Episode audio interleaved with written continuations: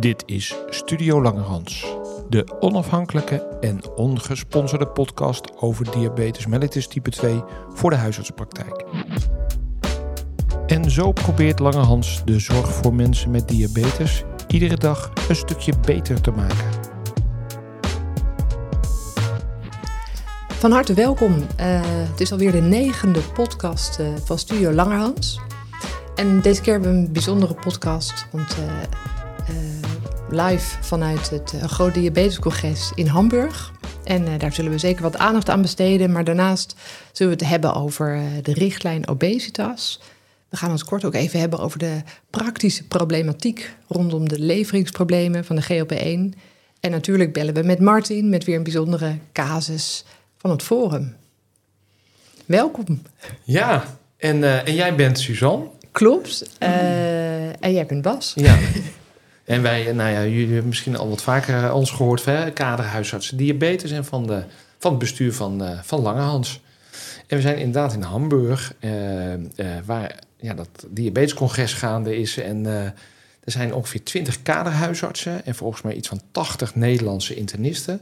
En daarnaast nog 15.000 andere diabetesdokters die dan ofwel thuis ofwel op het congres zelf uh, nou ja, de presentaties volgen. Ja, uit de hele wereld. Uit de hele wereld, ja. ja. Hey, en jij bent er ook geweest. Heb je nog wat uh, geleerd? Iets ja, wat, en want de luisteraars, die, hè, dat zijn gewoon mensen uit de praktijk. Dus dingen, want we, we horen heel veel nieuwe dingen, maar ook dingen die nou ja, in de nabije toekomst misschien wel op ons afkomen.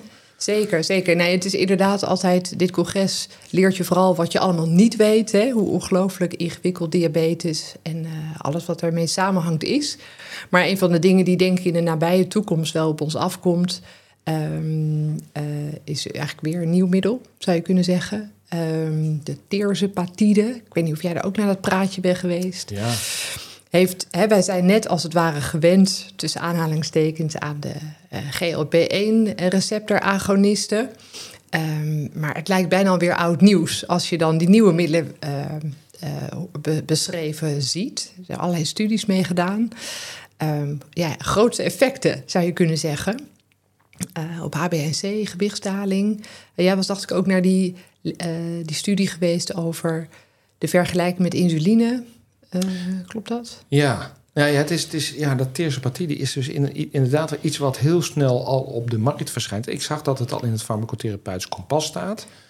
En het, volgens mij in 2024 is het ook echt leverbaar. Ja. En dan gaan we het er echt allemaal over horen. Want dit is echt een van de middelen die heel drastisch ook die obesitas kant aan kan pakken. Met ja, 14% gewichtsreductie hè, bij mensen die dat gebruiken. Maar ook bij mensen met diabetes. Ja, die studie, dat was een studie inderdaad type 2 diabetes op een eenmaaldaags insulineregime die het daarbij niet halen. Ik geloof een HbA1c van ja, 65 hadden die mensen gemiddeld. En toen hebben ze de groep 1400 mensen gerandomiseerd. Eén groep kreeg dus bazaal bolus.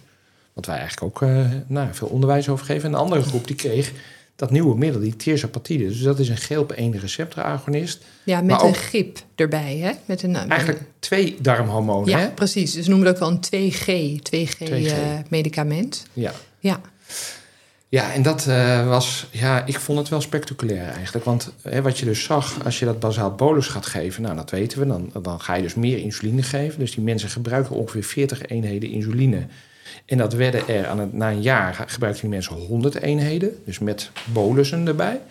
Maar ja, dat gaf dus wel gewichtstoename. Ze werden ongeveer 4 kilo zwaarder. Ja. En de mensen die dat andere spul gebruikten, die werden 10 tot 12 kilo lichter. Ja, dus daar, daar, ehm, daar kan je niet omheen, hè, zou je kunnen omheen. zeggen. En het nee, HbA1c nee. was ook nog eens beter. Ja. In die groep die was 48 en in de andere groep kregen ze hem niet onder de 60. Nee, nee. Nee, dus het zijn echt hele interessante ontwikkelingen. En dat is echt iets wat op korte termijn uh, al onze kant op komt in de dagelijkse praktijk. Wat ik ook wel interessant, en dit congres geeft natuurlijk vaak ook wel een kijkje in de toekomst. Hè? Um, want uh, als je het hebt over spectaculaire dingen. Ik was bij een, uh, het is weliswaar een fase 2 studie, dus echt nog heel erg in de kinderschoenen. Dat was dan niet een 2G-medicament, maar een 3G-medicament. Oh. Ja, je houdt het niet voor mogelijk. Uh, dat was dan een GIP, GLP-1 en glucagon-agonist. Ehm, uh, en ja, daar was ook de gewichtsreductie spectaculair. Maar goed, nog meer, hè? Nog meer. Nee, dus, dus dan... Ja, het buitelt bijna over elkaar heen. Maar goed, uh, dat moeten we eerst maar eens zien. En natuurlijk ook voor die teersepatide waar we het net over hadden. Volgens mij volgend jaar of het jaar daarop verwachten ze ook die cardiovasculaire eindpunt Ja. onderzoeken. Hè? Wat natuurlijk ook heel erg belangrijk is. ja. Omdat het natuurlijk meer is dan eh, gewichtsdaling en HbA1c-daling. Nou ja, daar kunnen we zo meteen natuurlijk nog wel even met onze expert over praten. Zeker, Want ja. obesitas is natuurlijk als ziekte nu gedefinieerd. En ja, gewichtsdaling is daarbij heel erg belangrijk om nou ja, niet alleen diabetes te voorkomen, maar ook heel veel andere ellende te voorkomen. Ja, en met gedefinieerd bedoelde hij ook in die nieuwe richtlijn eh, obesitas. Ja. Is dat meer duidelijk eh, beschreven. Wanneer je dat eh, zou Ja. moeten doen. Ja. En dan is er heel erg de, de obesitas als poortziekte, hè? De, de opmaat naar meer ellende, zou je kunnen zeggen. Ja. En was er ook nog, want ik heb nog wel ook een paar lezingen over leefstijl en voeding eh, Ja. gevolgd. ja. Heb jij daar nog iets, want dat vond ik wel opvallend. Een paar jaar geleden was dat eigenlijk niet zoveel. En nu zie je toch wel wat meer ook daar aandacht voor. Zeker, nee, dat maakt het ook fijn. Ehm, eh, ik was vorig jaar eh, al uitgebreid naar de eh, Direct-studie geweest. Het is een studie ehm, eh, uitgebreid waar ze gekeken hebben wat een laag calorisch dieet nou precies doet met mensen met type 2 diabetes. Aanvankelijk keken ze vooral bij mensen met een echt een fors BMI van hoger dan 27 tot zelfs 45, geloof ik. Ja, en dat is ook hoopgevend, want dan zie je toch dat dat laagcalorische dieet, dat geeft ook echt herstel van eh, uiteindelijk ook de beta-celfunctie. Dat uiteindelijk de beta-cellen het beter doen. En de gedachte daarachter is dan toch, hè, dus door het overgewicht eh, krijg je leververvetting, door allerlei ingewikkelde stofjes krijg je dan ook een beetje vet in de alvleesklier, waardoor de beta-cel minder werkt. En dat proces is tot op zekere hoogte ook nog terug te draaien. Hier hadden ze nu ook nog gekeken naar een groep speciaal apart met een BMI lager, zeg maar, of ze onze slanke, tussen aanhalingstekens, diabetespatiënten. En ja, dan denken wij misschien een beetje een soort simpel zwart-wit. Nou, die zullen wel gewoon weinig beta-cellen hebben. Of Ja. die hebben gewoon, komen gewoon tekort in de insulineproductie. Maar ook bij deze groep zie je dan toch met een laagcalorisch dieet, krijg je natuurlijk gewichtsverlies. En ook daar zag je echt een forse verbetering van die beta-celfunctie. En de gedachte is ook weer dat dat toch ook weer dat vet gemedieerd is. Dat komt door eh, vet in de lever, eh geefproblemen, minder vet. En dan komt er dus vet in de afvleesklier. Dus eh, nou, dat vond ik toch ook weer heel interessant en heel mooi uitgezocht in Engeland. Was dat.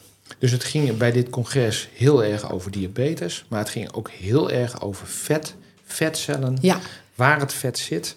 Nog één, nog één studie die eh, ook nog wel aardig was. Dat was eh, vanochtend. Eh, volgde ik een lezing en dan hadden ze een type 2 diabetesgroep. Gingen ze vier leefstijlinterventies naast elkaar zetten. Eén groep die ging alleen maar afvallen, 25% caloriebeperking. Mhm.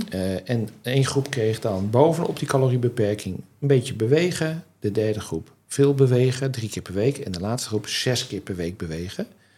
En toen keken ze natuurlijk naar afvallen, maar niet alleen naar afvallen. Ze hebben al die mensen ook in die MRI-scan gestopt en gekeken van... Ja, als je afvalt, dan val je vaak ook in je spieren af. Hè? Dus niet alleen maar je vetweefsel, maar ook Ja, je spieren. ja. En dat wil je niet, want je Nee. wil eigenlijk die spieren behouden. En de groep die dus afviel met caloriebeperking plus zes keer per week bewegen, die behield zijn spiermassa. En die andere twee, andere drie groepen, die verloren allemaal spiermassa. Dus dat was ja. echt de boodschap.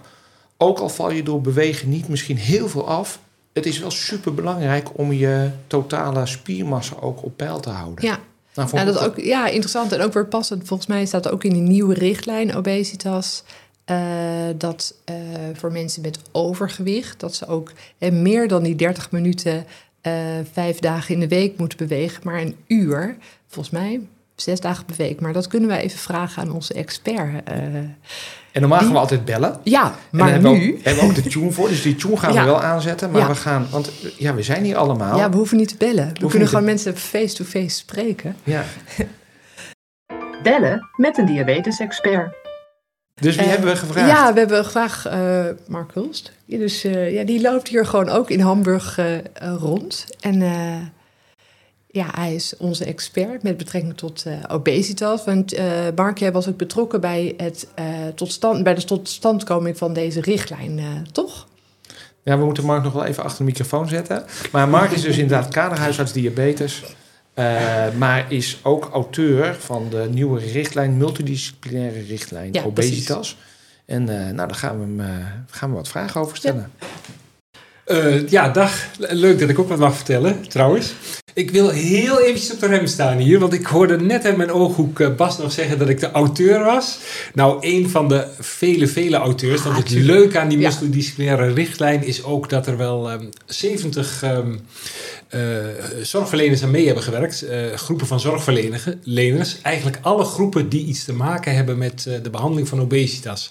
Dus van bariatrische chirurgen tot diëtisten, tot leefstijlcoaches, tot natuurlijk huisartsen. Precies, en daar zijn wij natuurlijk een beetje trots op. zeker, zeker, ja. zeker. Ja. Ja, en uh, ik hoorde, wat ik ook nog, want ik stond al een beetje in de coulissen mee te luisteren stiekem. Wat ik jou ook wel heel uh, juist hoorde opnoemen, is dat, um, dat uh, afvallen uiteindelijk ook niet het, het, hele doel is, maar dat je ook moet zorgen dat je voor spiermassa behoud streeft, dat je daarna streeft. Ja, dat, dat klopt als een bus, want in die nieuwe multidisciplinaire richtlijn staat ook heel duidelijk vermeld dat het doel van zo'n uh, gecombineerde leefstijlinterventie uiteindelijk helemaal niet dat gewichtsverlies is, hm. maar verbetering van uh, uh, je algehele gezondheid en kwaliteit van leven. En dat is wat dat betreft ook wel een nieuwe. En dat maakt het, denk ik, voor ons als, als mensen in het veld, maar ook voor onze patiënten, een heel stuk um, ja, beter te begrijpen en ook een stuk positiever om ermee om te gaan. Want het kan heel frustrerend zijn om te denken van ik moet die 10 kilo of 20 kilo afvallen. Je bedoelt haalbaarder. Het is meer ja. dan gewichtsvermindering. Het is het hele pakket. Met het... voordelen van als iemand toch een beetje anders gaat wegen, dan wel, maar zeker anders uh, andere leefstijl gaat hebben. Bedoel je dat? Ja, het gaat absoluut om dat hele pakket. Het gaat om verbetering van kwaliteit van leven. Het gaat om vermindering van kans op allerlei ziekten. En vergis je niet, dat zijn er veel. We zijn inmiddels natuurlijk wel gewend om um, uh, ons te realiseren dat obesitas de kans op diabetes natuurlijk heel sterk vergroot. En natuurlijk ook de kans op cardiovasculaire ziekten heel sterk vergroot. Maar waar we met z'n allen soms nog onvoldoende aan denken, en dat staat ook heel duidelijk in die nieuwe richtlijn genoemd, is dat er meer dan 200 ziekten zijn waarvan de kans uh, uh, vergroot is, for, tot fors vergroot is als je obesitas hebt. Dus wat dat betreft is het echt een poortziekte. Jullie noemden, noemden het al. En ja, verdient het ook echt een plaats ja, in onze behandelingen en onze aandacht vooral ook voor onze patiënten. En een van die dingen, Mark, die, die jullie in die richtlijn hebben beschreven, is dat we niet alleen maar naar die BMI moeten kijken. En dat, nou, dat zagen we eigenlijk op het congres terug. Hè. Er was een plaatje, daar lieten ze zien dat de BMI eigenlijk helemaal niets zegt over ja, hoeveel risico je hebt op sterfte. Uh, en wat hebben jullie als, uh, als waarde toegevoegd? Wat moeten we nog meer gaan meten? Nou, op dit moment staat in de richtlijn dat je de middelomtrek uh, erbij moet bepalen. En om, om even op die BMI terug te komen, dat herkennen we natuurlijk ook wel. Hè? Als jij een BMI van, nou noem eens wat, een BMI die we als ongezond beschouwen, 28 pakt. Uh, maar je ziet dat bij een, uh, een, bodybuilder met heel veel spiermassa, dan kun je het wel degelijk over een, uh, een gezond iemand hebben, mits hij er niet te veel bij spuit natuurlijk, aan sportschoolmiddeltjes. maar in principe kan dat een gezond persoon zijn, maar die heeft wel een hoge BMI. Uh, dus je moet ook kijken van wat is de vetmassa van die persoon. Nou, dat kun je op allerlei ingewikkelde dingen meten door ze in een plethysmograaf te stoppen en dergelijke. Maar dat gaan we natuurlijk helemaal niet doen in de huisartsenpraktijk. Nou, wat is nu wel een hele mooie nuttige maat om te kijken of er uh, veel vetmassa is en met name ongezond vetmassa. En dan heb je het met name over het viscerale vet, dus het vet in de buikholte en het vet in de lever. Dan is die middelomtrek. Nou, die middelomtrek die stond al genoemd in de NAG-standaard uh, obesitas uit 2010 inmiddels alweer. Heeft eigenlijk nooit heel veel uh, ingang gevonden, omdat we het eigenlijk met z'n een, uh, een beetje vervelende maat vinden. en wat moeilijk vinden om te meten. Nou staat er in de richtlijn ook wel een hele goede uitleg hoe je het zou moeten doen. Die is trouwens regelrecht aan die oude standaard van de NAG ontleend. Mooi zo. En er zijn ook filmpjes van te vinden hoe je het doen moet. Maar we moeten er toch aan. Want die combinatie, juist die combinatie van BMI en die middelomtrek, maakt dat jij als behandelaar in het veld, als eerste lijner, als praktijkondersteuner, als huisarts weet hoeveel risico die patiënt van jou loopt. Uh, juist die patiënt met een hoge BMI en een hoge middelomtrek, die kan een enorm risico hebben. Terwijl die patiënt met een licht verhoogde BMI en een normale uh, middelomtrek, nou ja, in de tabel is het in uh, groen, oranje, rood neergezet. Dat kennen we natuurlijk wel uit andere, onze andere tabellen. Uh, kun je heel duidelijk uitlezen wat het gezondheidsgerelateerde risico, de GGR, is bij die patiënt. En daar kunnen we wat mee, denk ik. Want dan weet jij ook meteen uh, voor jouw patiënt welk risico die loopt. En het mooie van de schema's is ook dat er dan ook meteen staat wat jij moet doen met die patiënt. Wat is de bedoeling? Wat moet je inzet zijn van uh, therapie? Ja. En wat is de belangrijkste inzet? Nou, het belangrijkste is leefstijl, leefstijl, leefstijl. Ja, dat blijft zo. Ja. En uh, nou ja, ik, ik, hoop dat ik net al heb gezegd, dat hoeft niet zo um, demotiverend te blijven voor jou en jouw patiënt. Want het gaat niet alleen om die 20 kilo gewichtsverlies. Het gaat om stijging van het gezondheid van je patiënt. En uh, uh, wat ge, gewichtsverlies is mooi, maar we weten ook uit allerlei onderzoeken dat 5 tot 10 procent gewichtsverlies eigenlijk de buiten al binnenhaalt. Dan heb je al zoveel winst gehaald op die verlaging van allerlei risico's. Dat, dat is mooi. En de meeste van mijn patiënten, althans, ik weet niet hoe jullie dat zien in de praktijk, die streven ook niet meer naar dat maatje 28. Die weten donders goed dat ze altijd gezet zullen blijven. Maar die willen met name weer uh, kwaliteit van leven terugwinnen. Die willen kunnen spelen met de kleinkinderen. Die willen uh, een stukje kunnen fietsen. En dat is ook heel duidelijk het streven in die richtlijn. Ja, en veel van de mensen met obesitas, uh, die zullen natuurlijk, uh, ja, door, omdat ze al diabetes hebben of hart- en vaatziekten, zullen bij de praktijk ondersteuner zijn. Dus je zegt, die moet dus die buikomvang gaan meten, om, om mee te nemen in dat risico. Maar wij huisartsen zien natuurlijk ook veel mensen met obesitas die voor andere klachten komen. Ja, ja, hoor ik nou toch dat wij daar toch meer aandacht aan moeten besteden? Ja, maar alsjeblieft niet elke keer, want we hebben het al druk genoeg. Precies. ja, en, ja, laten we dat niet verge vergeten. Je kunt een prachtige richtlijn maken, maar als die onuitvoerbaar is, dan komt hij in de diepste la en dan gaan we met geen tang aanraken. Dus het moet wel, ook wel uitvoerbaar zijn. Maar goed, als huisarts of POH zie je natuurlijk vaak je patiënten. En als het aan de orde is uh, die obesitas bespreekbaar maken, dat hoort er denk ik wel bij als goed uh, hulpverlener. Dus alsjeblieft niet elke keer. En alsjeblieft niet je praktijk gaan doorlichten op obesitas en iedereen oproepen. Dan worden we met z'n allen gierend gek. Maar komt er iemand op je spreekuur met um, knieklachten? Of zie jij als POH iemand met, obesitas, uh, met diabetesklachten waar obesitas een rol speelt? Maak het bespreekbaar. Ook dat staat heel duidelijk in de nieuwe richtlijn uh, benoemd. Want we zijn met z'n allen natuurlijk wel eens wat terughoudend daarin. Uh, er ligt een taboe op het bespreken van obesitas, dat is nog steeds zo. Maar uit onderzoek blijkt ook dat patiënten dat best op prijs stellen, mits jij tevoren toestemming vraagt. Ja. Uh, ik zou het volgende met je willen bespreken. Ik wil het over je gewicht hebben. Vind je dat goed? Nou, vindt de patiënt dat nou uh, niet oké op dat moment? Nou, dan heb je het in ieder geval geprobeerd. Dan, dan, dat maakt niet uit. Misschien een volgende keer. Het, het hoeft allemaal niet in één keer. Maar heb je die toestemming wel, dan heb je ook een open gesprek over het probleem. Hey, we hadden het in het begin van de podcast hadden we het even over die nieuwe uh, geneesmiddelen die voor diabetes zijn ontwikkeld, maar eigenlijk ook heel veel op gewicht doen waarschijnlijk ook een indicatie wil gaan krijgen voor obesitasbehandeling. Hoe kijk jij daar tegenaan? En in die richtlijnen is daar ruimte voor gemaakt? Of?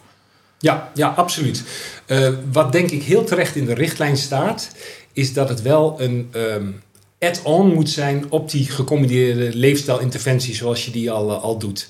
Um, het kan niet zo zijn dat jij een patiënt ziet, een blind die medicatie voorschrijft en dan weer het, de wijn stuurt van u redt u maar met uw medicatie. Uh, het, het gaat niet alleen om het gewichtsverlies, het gaat om die toename van gezondheid van je patiënt. En hoe goed die medicijnen ook zijn. En ik, ik, ja, je hebt inderdaad die, die 3G-medicatie uh, uh, al die eraan komt. De 2G die er die tersepetide. Die 3G die, die ik ook al genoemd hoorde. Maar de 4G zit ook al in de pen. En wat je daarbij ziet, is dat je juist ook een afname van obesitas, nee, van vet ziet. En een toename van spiermassa bij patiënten die helemaal niet zoveel afvallen. Nou, ik denk dat het ook groot gaat worden in de sportschool, maar daar hebben we het niet voor. Maar het is natuurlijk wel wat we met onze patiënten willen: dat dat schadelijke vetweefsel minder wordt, met name dat viscerale vet, en dat die spiermassa niet verloren gaat.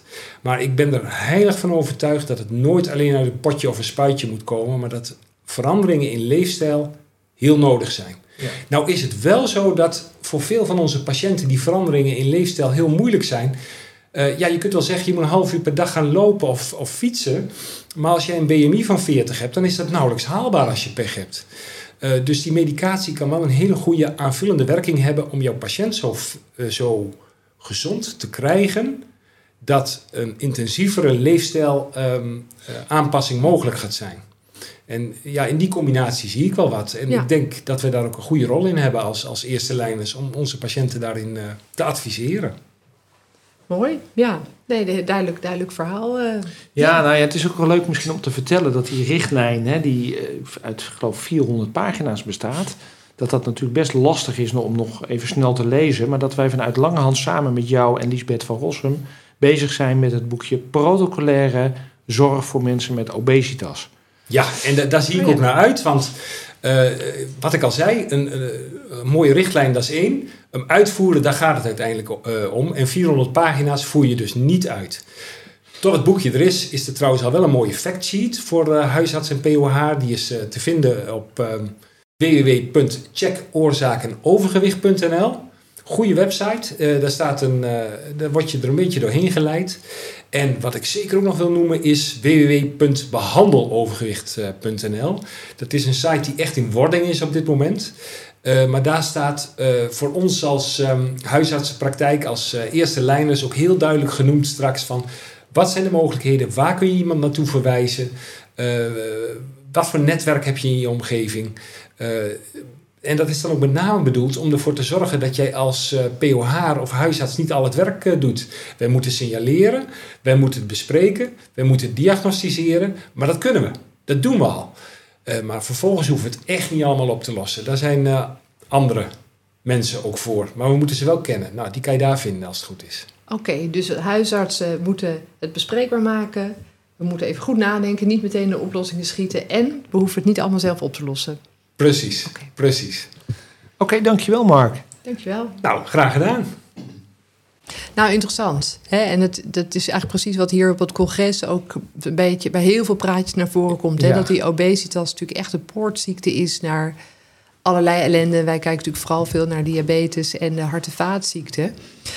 En ja, toch nog over die medicatie. Maar er komen natuurlijk nieuwe dingen aan. Maar in de, in de tussentijd hebben we natuurlijk in Nederland wel een ehm, eh, praktisch probleem. Een Eh, leveringsprobleem. een leveringsprobleem. Ja. We hebben het vorige podcast ook al over gehad. Maar het is, eh, het is er niet veel beter op geworden. Want ehm, Nou, ik kreeg dus van mijn praktijkondersteuner, die kreeg dus een brief van, een, van de firma van Victoza, leraglutide, dat het niet leverbaar is. ja, Dus Ja. ik heb het hier ook nog even eh, gevraagd aan, aan, aan die mensen. Maar die zeggen inderdaad, de aankomende maanden is er dus geen leraglutide beschikbaar. ja. Dus niet, het, het is niet even een beetje, het, het komt er gewoon het is niet. er gewoon niet. Nee. En die mensen moeten dus omgezet worden. Want we hadden natuurlijk al de semaglutide. De, inject, de injectie semaglutide, Ozempic. Wel of niet leverbaar, soms wel een beetje, soms niet een beetje. Dat heb ik ook maar even nagevraagd. Zij zeggen nou, de mensen die er nu op staan... daar hebben we nog voldoende eh, subcutane injecties voor. Ja. Dus Maar zij pleiten eigenlijk, zet er geen nieuwe mensen op. op, Hè? dat want we. kunnen het niet waarmaken. Nee, zet er geen nieuwe mensen op, inderdaad. En zeker niet mensen met overgewicht zonder diabetes. Want dat wordt ook veel gedaan in die klinieken nog Ja. steeds. Ja, En die, ja. die schoonheidsklinieken die mensen willen laten afvallen. Maar het, ja, het is echt niet beschikbaar op dit moment. Dus doe dat niet, collega's. Dat is ook off-label. Doe het niet. Eh, en ja, dan heb je nog de concurrent eh, van dat. eh, dat heet dulaglutide, Trulicity. En die zeggen eigenlijk hetzelfde. Die zeggen hetzelfde, ja, want het zijn natuurlijk We hebben te ja, weinig. een verschuivend probleem. Ja, ze hebben ook te weinig. te Ja. weinig. En die zeggen van laat het, eh, de mensen die er nu op staan, die kunnen we nog, eh, die kunnen we wel leveren, maar niet nieuwe mensen. Nee. Nou, dat is best een probleem, want het is, zit net in de NAG-stand natuurlijk in een hoog risicogroep. Ja, En ja. natuurlijk ook bij mensen met obesitas die misschien eh, te zwaar worden van insuline. Ehm, ja, dan heb je nog de orale semaglutide. En die is wel beschikbaar. Die blijft ook beschikbaar. Eh, maar die heeft nog wel eh, in het hoog risicostappenplan nog geen harde eindpuntstudie, Nee. zoals we dat noemen. Ehm, ja. ja, ik denk, wat ga jij doen eigenlijk ermee? Ja, ik vind het ongelooflijk lastig. Want vooralsnog uh, heb ik eigenlijk gezegd: doe maar niet die orale variant. Uh, en niet alleen omdat er nog geen uh, cardiovasculaire eindpuntstudies zijn, maar ook omdat er enorme verschillen zitten in de, dat heet dan de farmacokinetiek. verschillen tussen mensen onderling, maar ook of iemand nou net tevoren heeft gegeten of niet gegeten, of met andere medicatie. Ja. Dus de werking kan enorm wisselen. Ja. ja. Het is, je hebt een soort protocolletje nodig om het in te nemen. Ja. Uh, en daar hangt het dan heel veel mee samen. Ja. Een ja. half glas water. En dan moet je het innemen en dan 30 minuten minimaal wachten. Precies. Ja. En hoe langer je wacht met eten, hoe hoger de dosering wordt in je Ja. bloed. Nee, en ga er maar aan staan als je dan bijvoorbeeld ook nog Tirax moet gebruiken. Schildklierhormoon moet je ook Ja. nuchter innemen. Nou, dan, eh, hè, maar goed, dus Ja. er zitten allemaal wat haken en ogen. Maar soms is het ook een beetje... Ja. eh, ja, je moet maar doen eh, met wat er is. Maar Ja. goed, dat ziet er niet Misschien heel... ook eh, koud water vrezen een beetje. Wellicht, ja. wellicht kan. Ja. Laat. Misschien is het wel handig om dat wij vanuit Langehans een, een, een soort protocolletje maken. Dat als je dat omzet, hoe dat dan moet en Hoe waar je op moet moet, waar je op moet letten. Ja. Ja. Of misschien met ja, een soort apotheker, die weet ook veel van, van die Ja. farmacokinetiek. Nee, maar dat doen we Ja. natuurlijk samen met, met experts. Ja, sorry. Nou, dan zijn we denk ik bij, ja, ja eh, zelfs in Hamburg Ja, eh, eh, aangekomen bij het laatste onderdeel. Ja, ja. En dat is wel heel leuk dat we die ook live in onze appartement hebben. Dat klinkt misschien een beetje hol hier. Eh, want die is hier ook eh, eh, op het congres. Martin. Ja, nee, dus eh, Martin eh, eh, heeft voor ons vast een hele interessante vraag van het forum. Ja, haal hem erbij. Opvallende dingen van het forum. Eh, nou, Martin, eh, ook welkom hier live in Hamburg Ja, met een dankjewel. eh, vraag van het forum. Ja, Wat ja. heb je meegenomen? Nou ja, ik dacht in al het geweld van 3G, 4G eh, en SGLT2 en SGLT1 heb ik vandaag ook al gehoord. Ik denk ja, dat, af en toe dan, dan, dan duizelt het mij. Ik denk ga gewoon op het forum eens kijken of er nou een gewone basic vraag is. En jawel, die was er vanochtend. En ik zag dat Jan had hem ook al beantwoord, maar dat mag de pret niet drukken. En ik wil je even meenemen in deze casus. Een 81-jarige mevrouw die 11 jaar diabetes heeft, dus vanaf haar 70ste, een eh, BMI van 29. En ehm, die kwam in deze praktijk van die eh, praktijkondersteuner. eh toen zat ze eigenlijk vrij laag. En deze mevrouw had toen met formine, glycoside en een eh, beetje insuline. Ze zijn de glycoside hebben ze afgebouwd, maar inmiddels is de bloedsuiker toch weer wat opgelopen. Ehm een dagcurve is er mooi bij en die begint zo'n beetje rond de 10. En gaat dan naar boven de 16 en zakt s'avonds naar de 12. Dus inderdaad niet zo goed ingesteld. En de vraag van de POH is eigenlijk, wat kan ik nou beter gaan doen? Kan ik nou beter de insuline ophogen of kan ik nou die SGLT2 gaan toevoegen? Nou, voor de SGLT2 moet je een beetje gaan kijken naar wat speelt er nog meer. Ehm nou, 81 jaar, is deze mevrouw kwetsbaar of niet? Dat bepaalt ook wel hoe je, hoe je verder gaat. Eh, nou, laten we even zeggen dat deze mevrouw nog wel redelijk vitaal is. Dan moet je verder naar de andere parameters gaan kijken. Wat zien we dan aan de medicatie? Dat zij gebruikt een DOAC. Ehm, nou, het staat niet bij waarom, maar ik ga er even uit dat het op basis van boezemfibrilleren is. En ze heeft ook metoprolol, dat zou er ook kunnen bij, kunnen passen, en twee bloeddrukverlagers. En, eh, en een cholesteroltabletje. Dus ik kan niet echt op basis hiervan zeggen van nou, dit is een mevrouw met, eh, met een hoog cardiovasculair risico of een zeer hoog risico. Nee, maar dan zou je ook wel iets van eh blaadjesremmer verwachten. Hè? Zoals uh, clopidogrel of uh, acetylsalicylzuur. En dat heeft ze niet. Dat dus, heeft ze niet, Daar moeten we dan maar een beetje van uitgaan. Ja, ja, ja. Ja, dus ik ben eigenlijk van uitgegaan dat dit een weliswaar oudere dame is, maar toch wel een redelijke levensverwachting. Dus niet zeer kwetsbaar, niet kwetsbaar. En ehm, ja, dan is dus de vraag van welke kant gaan we op? Nou, in dat geval zou ik zeggen, ehm, ik zou eigenlijk willen terug willen naar de basis. Deze mevrouw heeft al metformine, ze heeft ehm, ehm, insuline.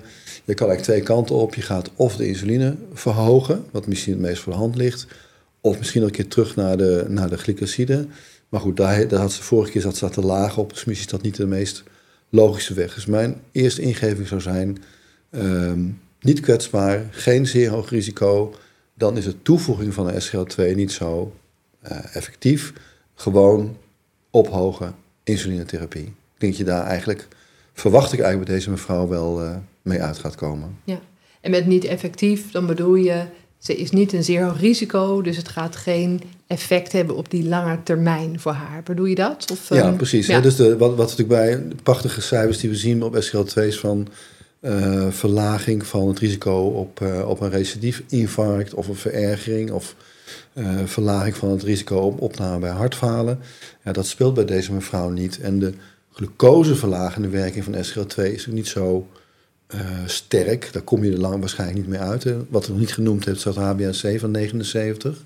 dus wil je een beetje in de richting komen van uh, goede instelling, dan ga je het waarschijnlijk net niet redden met de SGLT2. Het is wel een goede nierfunctie, dus dat zal de beperking niet zijn. Um, maar ik denk, ja, houd simpel. Hij heeft al twee middelen, metformine en, uh, en insuline. Daarmee kom je wel uit. Ja, ja nou duidelijk. Dankjewel. Dankjewel voor deze inderdaad goede casus uit de praktijk. Eh. Graag gedaan.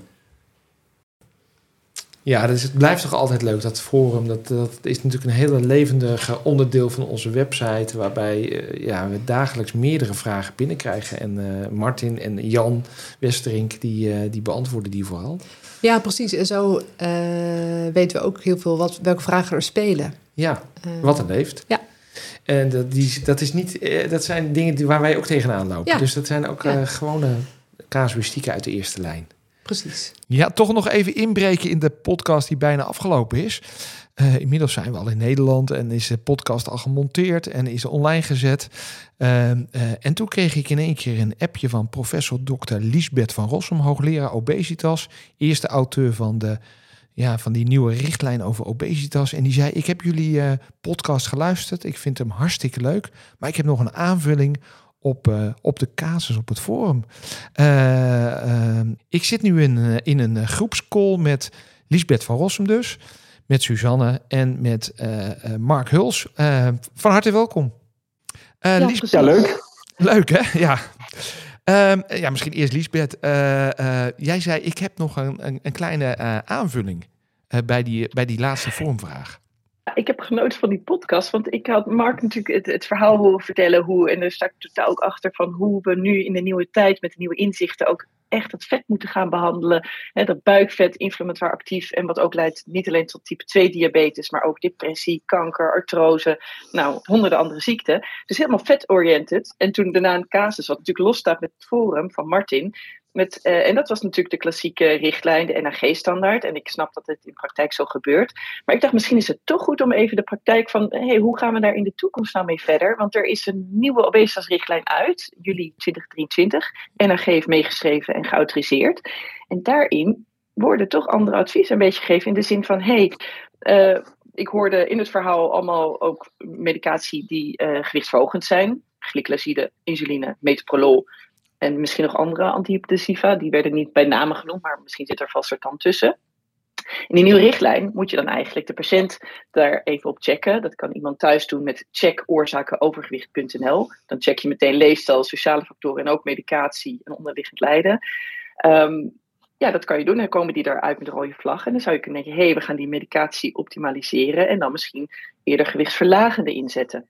Nou ja, nu is het lastig met deze discussie, want deze dame was 81. Dus dan snap ik dat er andere afwegingen worden gemaakt. Maar ik denk in de toekomst, het, het woord vet viel niet in deze casus. En ik denk in de toekomst, eh, ja. buikomvang, moeten we misschien wel meer aandacht voor hebben als we kijken naar de obesitasrichtlijn. Dus, dus je zegt een beetje van, uh, um, hè, met, met eigenlijk de nieuwe richtlijn, hè, waar ook de NAG heeft meegeschreven, dan, ja, dan, dan spreken die richtlijnen elkaar een beetje tegen. Uh, en zou je dat in de toekomst wellicht liever anders zien. Bedoel je dat een beetje? Ja, uh, ik denk dat... er een goede afstemming over moet zijn. Want deze had dan een BMI van 29. Nou, dan zou je eigenlijk veel strichtlijnen op de buikomvang even moeten meten. Uh, bij mannen boven de 102 centimeter, vrouwen boven de 88 of 88 en hoger, dan, dan kom je in bepaalde categorieën van behandeling terecht. Dat kan je allemaal inderdaad, zoals werd genoemd, www.behandelovergewicht.nl. Daar staat een two-pager factsheet, heel simpel kan je het zo opzoeken. Maar daar staat bij de comorbiditeit een heleboel comorbiditeit, maar ook weer type 2 diabetes. Um, dus dat, dat, daar moet wel goede afstemming bij en aandacht voor ook het vet behandelen en niet alleen gericht op glucose zijn. Dat is ook echt belangrijk. Ja, en je zegt ook wel heel erg van, nou deze vrouw was natuurlijk 81, is weer een ander verhaal, maar stel dat deze exact dezelfde casus, eh, de patiënt 61 is, dat zou het voor jou ook nog wel een beetje anders maken. Zeker, en zeker jongere mensen, want met insulineglycoside, ja, je, je remt gewoon je vetafbraak. En dan gaan we vaak zeggen, nou, je moet ook afvallen. Maar ja, dat lukt dan bijna niet. Dan kun je bijvoorbeeld een gecombineerde leesinterventie doen. Maar als je allemaal dikmakers erbij gebruikt, ja, dan is het heel frustrerend. En wat we weten, er zijn ook diabetesglies en algemene glie-programma's, gecombineerde uh, leesinterventies, dat als je dat inzet en tegelijkertijd die medicatie juist afbouwt, dat zo'n interventie meer effect heeft. En dan pak je zoveel meer aan in het lichaam en ook de psyche. Niet, niet alleen maar, dus heel de mens. Dus dat is waar we in de toekomst denk ik steeds meer naartoe gaan. Dat we heel de mens behandelen en niet alleen maar de suiker of alleen maar daar de complicaties van. Maar ja, de, het geïnflammeerde vet, het ontstoken vet en al die comorbiditeiten. Ja, ja, dus dit is, nou, voor ons was het eigenlijk heel normaal hè, om die casus zo door te lopen. Ik vind het ook wel grappig hoor, dat we nu zo achteraf toch nog eens daar weer op deze manier naar kijken. Want wij denken vanuit kader, eh, de kaderhuisarts en de diabetesrichtlijn, we gaan de glucose gewoon wat verlagen, dus de glycoside weer wat omhoog, zodat het HbA1c naar beneden is. Maar jij kijkt er weer vanuit een hele ander perspectief naar. En dat is denk ik ook precies waar die richtlijnen, wat Suzanne ook zei, een beetje haaks op elkaar lijken te staan. Maar goed, er breekt een nieuwe tijd aan met deze nieuwe richtlijn. Uh, want die buikopvang, die, die, die, die uh, vragen wij niet eens aan mensen. Hè? Wij vragen de BMI, maar wij vragen niet de buikomvang in onze, op ons forum. Dus dat is misschien ook nog een, een toevoeging. Mark, hoe kijk jij hier tegenaan? Nou ja, wat mij er met name ook aan opvalt, is dat we voor mijn gevoel echt in een transitieperiode zitten. Hè? Voor mijn gevoel hebben we dat ook gezien bij uh, eh, CVRM en diabetes, die eerst best wel veel uh, uit elkaar liepen, onze uh, huisartsrichtlijnen. En die inmiddels toch wel consistent geïntegreerd zijn bij elkaar. En ik hoop, en dat zal dan nog niet in de hele nabije toekomst zijn, maar dat die twee echt beter geïntegreerd gaan raken. En ik denk dat het ook wel bijna moet als je kijkt naar de internationale trends. Hè? Als, als, ik, als ik zo lees dat de EISD uh, en ook de EDA een consensus uh, uh, protocol hebben gemaakt waarin inderdaad obesitas een van de vier duidelijke behandelmodaliteiten is. En als ik dan ook lees dat uh, in oktober uh, de ADA, dus van, sorry ik zeg het fout, de American Heart Association, ook een, een, een, een uitspraak doet over het cardiovascular kidney metabolic disorder, waarin heel duidelijk die obesitas ook wordt meegenomen bij de behandeling van hart-vaatziekten, dan moeten wij als huisartsen daar ook wat mee. Maar dat, dat, dat zal wel even duren voordat het echt goed geïntegreerd is. En tot die tijd moeten we de spits op zijn. Dus een opmerking van, uh, van Lisbeth daarover vind ik, vind ik heel nuttig, want wij moeten dat toch integraler gaan zien, denk ik.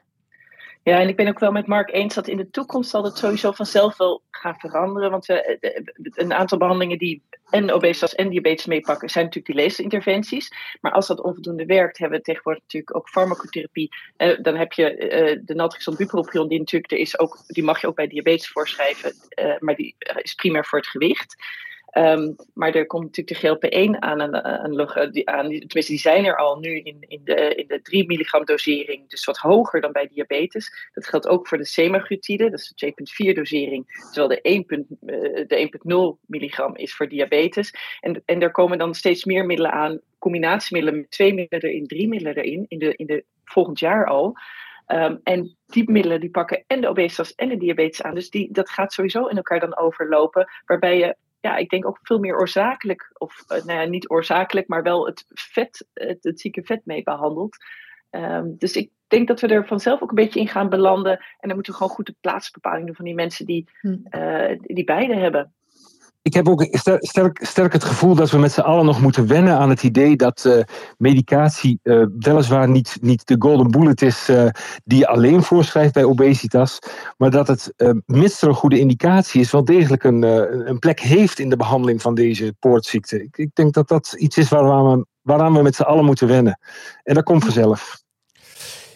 Hey, uh, uh, lieve collega's, hartelijk dank voor jullie toevoeging nog in, in deze podcast. Ik zal de websites die Liesbeth net noemde nog even in de show notes zetten.